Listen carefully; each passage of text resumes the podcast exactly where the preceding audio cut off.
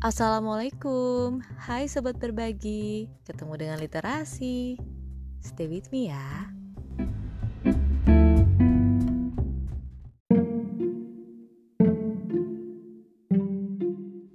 Sobat berbagi masih ingat nggak tentang majas?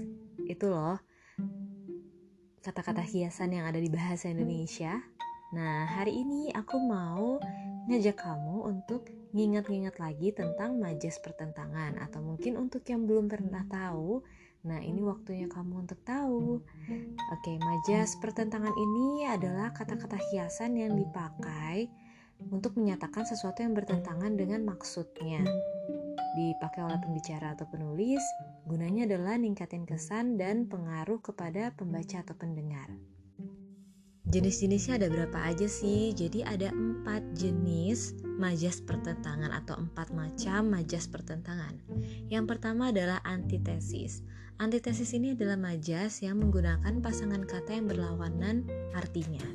Contohnya tua muda, kaya miskin, terus ada besar kecil, terus baik buruk, terus ada apa lagi ya kira-kira ya? Nah, kamu bisa sambil ingat-ingat lagi nih kira-kira apa aja majas antitesis yang merupakan majas yang menggunakan pasangan kata yang berlawanan artinya. Yang kedua adalah paradoks. Paradoks ini majas yang mengandung pertentangan antara pernyataan dan fakta yang ada. Contohnya nih, aku merasa sendiri di tengah kota yang ramai. Yang B, hatiku merintih di tengah hingar-bingar pesta yang sedang berlangsung saat ini. Oh ya, aku ngambil materi ini di literasi.net dan ini adalah tulisan dari sebentar mana ya? Rival Ardiles dibuatnya pada tanggal 31 Januari 2014. Masya Allah, memang tulisan ini bisa banget ya uh, abadi gitu dibikinnya di 2014 alhamdulillah ketemu sama aku di 2021 masya allah berapa tahun yang lalu nih. Oke kita lanjut ya. Yang ketiga adalah hiperbola. Kayaknya yang ini lebih sering. Majas hiperbola ini adalah majas yang berupa pernyataan berlebihan dari kenyataannya untuk ngasih kesan mendalam atau minta perhatian. Contohnya, suaranya menggelegar, membelah langit atau ia berlari secepat kilat. Wes, larinya kencang seperti macan itu beda lagi ya.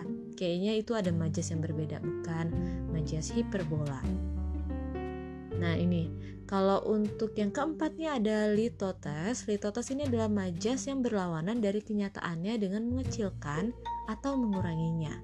Tujuannya adalah untuk merendahkan diri. Contohnya adalah makanlah seadanya hanya dengan nasi dan air putih aja. Padahal bisa jadi di atas sana ada lauk pauk segala macam. Itu hanya untuk merendahkan diri, tapi um, bukan bermaksud sombong maksudnya itu menggunakan majas litotes atau yang B setetes darah anda sangat berarti buat mereka padahal mah satu kantong kan yang kita kasih ya kalau misalkan kita lagi donor darah gitu ya oke deh kira-kira nih udah mulai pada keluar lagi memorinya ketika sedang belajar bahasa Indonesia saat sekolah.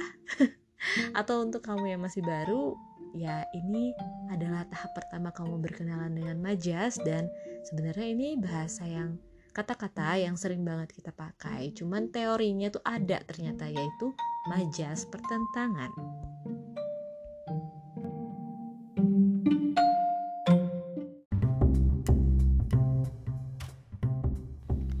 Terima kasih telah mendengarkan apa yang saya bagi dan semangat berbagi.